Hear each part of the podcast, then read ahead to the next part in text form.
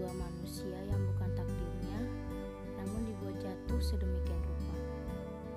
Kenapa harus kamu, orang yang mampu menarik aku dalam kisahmu, sekaligus menamparku dengan kenyataan bahwa ini akan segera berlalu? Tahu tidak?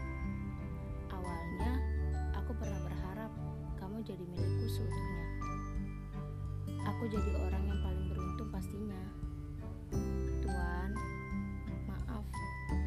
masih saja lemah perihal perasaan.